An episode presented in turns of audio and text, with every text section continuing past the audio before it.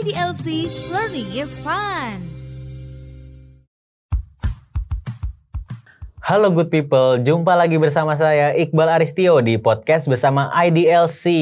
Nah hari ini aku nggak sendiri nih, aku sama Mbak Glena. Gimana? Halo Iqbal. Apa kabar nih Mbak Glen? Sehat, baik-baik. Selalu ditunggu-tunggu ya setiap hari kalau wah ngobrol sama Mbak Glena kapan lagi nih? Waduh.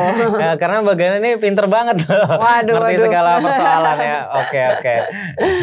nah hari ini aku sama Mbak Glena pengen ngobrolin seputar hutang dan juga waris itu kayak gimana sih? Karena topik ini meskipun sering kita bahas tapi tentunya masih apa ya terasa tabu gitu loh di Hmm, masyarakat Mbak Glen. Mm. Dan pastinya banyak sih banyak juga sih orang yang kayak ih gua kalau di, eh, nge- ngewarisin utang gua kagak mau nanti ya Mm-mm. udah deh itu udah bukan urusan gue Iya, gitu nah ya. itu waris utang juga gimana tuh. Nah, Mm-mm. tapi Mbak Glen ini pas banget nih karena ada kisah juga nih ada, ada seorang ibu yang nggak bilang-bilang ke anaknya nih Hmm, kalau hmm, hmm. dia tuh punya banyak utang ternyata ya Mbak Glen. Hmm, Lah, hmm, hmm. lalu ketika dia meninggal itu utangnya jadi gimana tuh Mbak Glen? Dia warisin ke anaknya apa gimana? Hmm, nah jadi sebenarnya ini pertanyaan yang paling memang menarik banget ya Ik ya, karena pada saat misalnya kita kalau berpikir apa pada saat kita ngomong warisan, pikiran kita pasti wah gue mau ngewarisin eh, aset, ya kan, mau dapat eh, perhiasan, mau dapat duit, ya Rumah. kan, rumah, waduh itu semuanya mau deh kalau ngomongin warisan. Tapi tapi nggak menutup kemungkinan bisa jadi pada saat misalnya kita punya aset, tapi kita juga punya utang gitu kan ya Ik ya. Dan kemudian uh, aset itu dipakai untuk uh, pelu- uh, penjaminan untuk pelunasan utang. Nah, pada saat misalnya kita cuma ngelihat, oh kayaknya uh, ibuku punya rumah, punya Hmm. ruko, punya usaha, punya ini, punya ini, uh, uh, aku udah seneng banget nih kan nungguin, wah ya, apa nanti pasti kalau meninggal jadi punya aku nih, gitu Waduh. kan, waduh, Hmm. ya kan.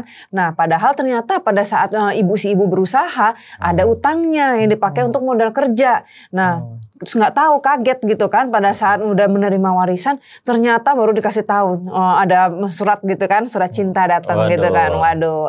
Ternyata terlambat bayar nih ya kan atau gagal bayar atau gagal debet gitu kan. Oh padahal biasanya soalnya ibu nih yang ngurusin tagihan kita nggak pernah tahu gitu kan. Nah jangan dilupa nih teman-teman nih pada saat kita menjadi seorang ahli waris dan kita menerima warisan itu artinya kita menerima seluruh eh, artinya peninggalannya. Karena yang ditinggalkan tuh bukan aset sebetulnya. Warisan tuh bukan aset, tapi Oh. harta peninggalan. Oke. Nah, jadi yang dimaksud harta peninggalan tuh apa gitu kan Mm-mm. Ik ya. Berarti otomatis adalah semua sesuatu kepunyaan si almarhum. Kepunyaannya tuh apa? Berarti bisa jadi punya aset, berarti bisa punya Iya, utang. iya, utang juga termasuk ya, Utang juga termasuk Mm-mm. aset loh. Cuma Mm-mm. namanya adalah asetnya pasifa jadinya. Oh, pasifa. Jadi beban Mm-mm. gitu kan. Nah, jadi pada saat kita menerima aktifannya, kita harus menerima pasifanya juga. Oke. Kita menerima hak, berarti kita menerima kewajiban. Mm-mm. Jadi kita nggak bisa setengah-setengah gitu, Ik. Pada. Saat misalnya kita menja- menjadi ahli waris, kita cuma bilang, ya udah rumahnya aku mau, tapi masalah utangnya aku nggak ngerti kan, bukan aku yang ngutang Waduh, gitu. Itu nggak- bisa, bisa kayak ya. gitu, Ik. Oh, Mm. tapi ternyata eh, jadi apa warisan gitu bisa ditolak ya Mbak Glen?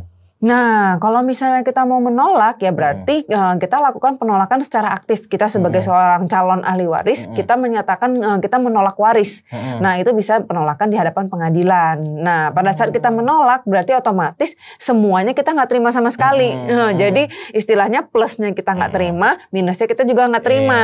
Iya. Nah, jadi itu sama kayak seperti misalnya eh, kita punya pasangan, nah, ya kan, kita pacaran gitu kan ya Ik ya. Terus Hmm. kita memutuskan untuk menikah gitu kan. Hmm. Contohnya kita memutuskan untuk menerima si warisan ini. Pada saat kita eh, memutuskan untuk menerima dan menikah si pasangan itu, berarti kan kita menerima segala kelebihan dan kekurangan, bener nggak Ik? Iya. Nah, nggak mungkin satu doang ya. Nggak mungkin. Kita maunya yang baik-baiknya Baik-baik aja. Dianya cantik, dianya pinter gitu kan. Mm. Tapi kalau dianya males aku nggak mau gitu Waduh. kan. Nah itu kan nggak bisa. Dia satu paket Mm. gitu. Nah jadi ha- begitu juga halnya dengan warisan ik. Nah jadi Mm. pada saat kita menerima berarti kita terima seluruhnya. Pada saat kita menolak berarti kita juga menolak seluruhnya Mm, gitu. oke. Jadi kita bisa uh, menyatakan secara aktif kita tidak mau jadi ahli waris gitu. Oh, Oke, let's say kalau misalnya ternyata asetnya mungkin nilainya satu miliar tapi Mm-mm. utangnya 10 miliar gitu. Mm-mm, Itu mm-mm. gimana tuh Mbak Glenn? Jadi kan kalau kita tolak yang bayar siapa jadi akhirnya? Nah, kalau misalnya pada saat kita menolak, ini akan dilihat nih yang menolak misalnya si em, almarhum ini punya berapa ahli waris. Nah, contohnya misalnya, oh ini anak tunggal, ah, misalnya oh, orang tuanya dua-duanya udah nggak ada. Nah, berarti kan kita lihat lagi kepada penggolongan nih. Golongan satu itu kan pasangan hidup dan anak keturunan. Nah, kalau misalnya udah nggak ada sama sekali, misalnya si anak tunggal gitu kan nggak ada, dia menolak ya berarti jatuh ke golongan kedua. Golongan kedua itu artinya saudara-saudara dari si almarhum, Nah, saudara dan orang tua, saudara kandung dan orang tua. Nah, terus baru akhirnya kalau misalnya si eh, saudara kandungnya itu menolak juga, ya kan golongan kedua menolak, berarti jatuh ke golongan ketiga. Nah, Hmm. golongan ketiga itu berarti naik ke atas kakek nenek. Nah, Aduh. itu. Nah, jadi kalau misalnya menolak berarti ya mm, eh, dicari terus golongan-golongan berikutnya. Karena kita untuk pewarisan itu kan ada golongan satu sampai golongan empat gitu. Oh, I see, I see. Nah, Mm-mm. Jadi mungkin ini juga apa ya yang jadi pesan juga ya. Mungkin karena ntar saudara ngelihatnya kita fine fine aja tapi Hmm. ternyata enggak. Itu topik yang lumayan tabu tapi sebenarnya itu penting banget teman-teman. Karena meskipun wah ini kan utang atau wah ini kan aset wah kenapa belum apa-apa udah mikirin warisan mikirin apa Hmm. itu semua penting ya teman-teman karena bukan cuma untuk mikirin materi doang tapi tentunya juga kepastian serta juga biar nggak menimbulkan kebingungan atau jadi permasalahan yang baru lagi nantinya Pastinya bener banget Ik. Jadi Hmm. memang ada baiknya kita tuh eh, sekarang tuh kita udah dikasih kemudahan ya Ik ya. Eh, kita bisa menginventarisir apa Hmm. aset kita supaya ngasih tahu anak kita. Nah terus atau misalnya pasangan atau saudara kita, misalnya Hmm. kita menganggap anak kita oh anak kita cuma satu nih, mesti ada yang tahu yang bantu gitu. Nah bisa juga kita bikin wasiat Ik. Nah Ah. jadi supaya ngasih tahu nih kita ada begini begini begini. Nanti kalau eh, apa misalnya terjadi meninggal nanti pengaturannya seperti apa. Nah jadi itu Hmm. Wah. juga penting Ik. Wah itu juga penting teman-teman wasiat pasti pada penasaran juga kan gimana kalau soal wasiat. Nah Hmm. itu teman-teman bisa nonton di podcast kita yang lain ya Mbak Glenn. Benar, benar. Oke, tapi terima kasih banyak loh Mbak Glenn udah sharing-sharing sama aku hari Iqbal. ini. Seneng deh bisa sharing-sharing. Iya, aduh.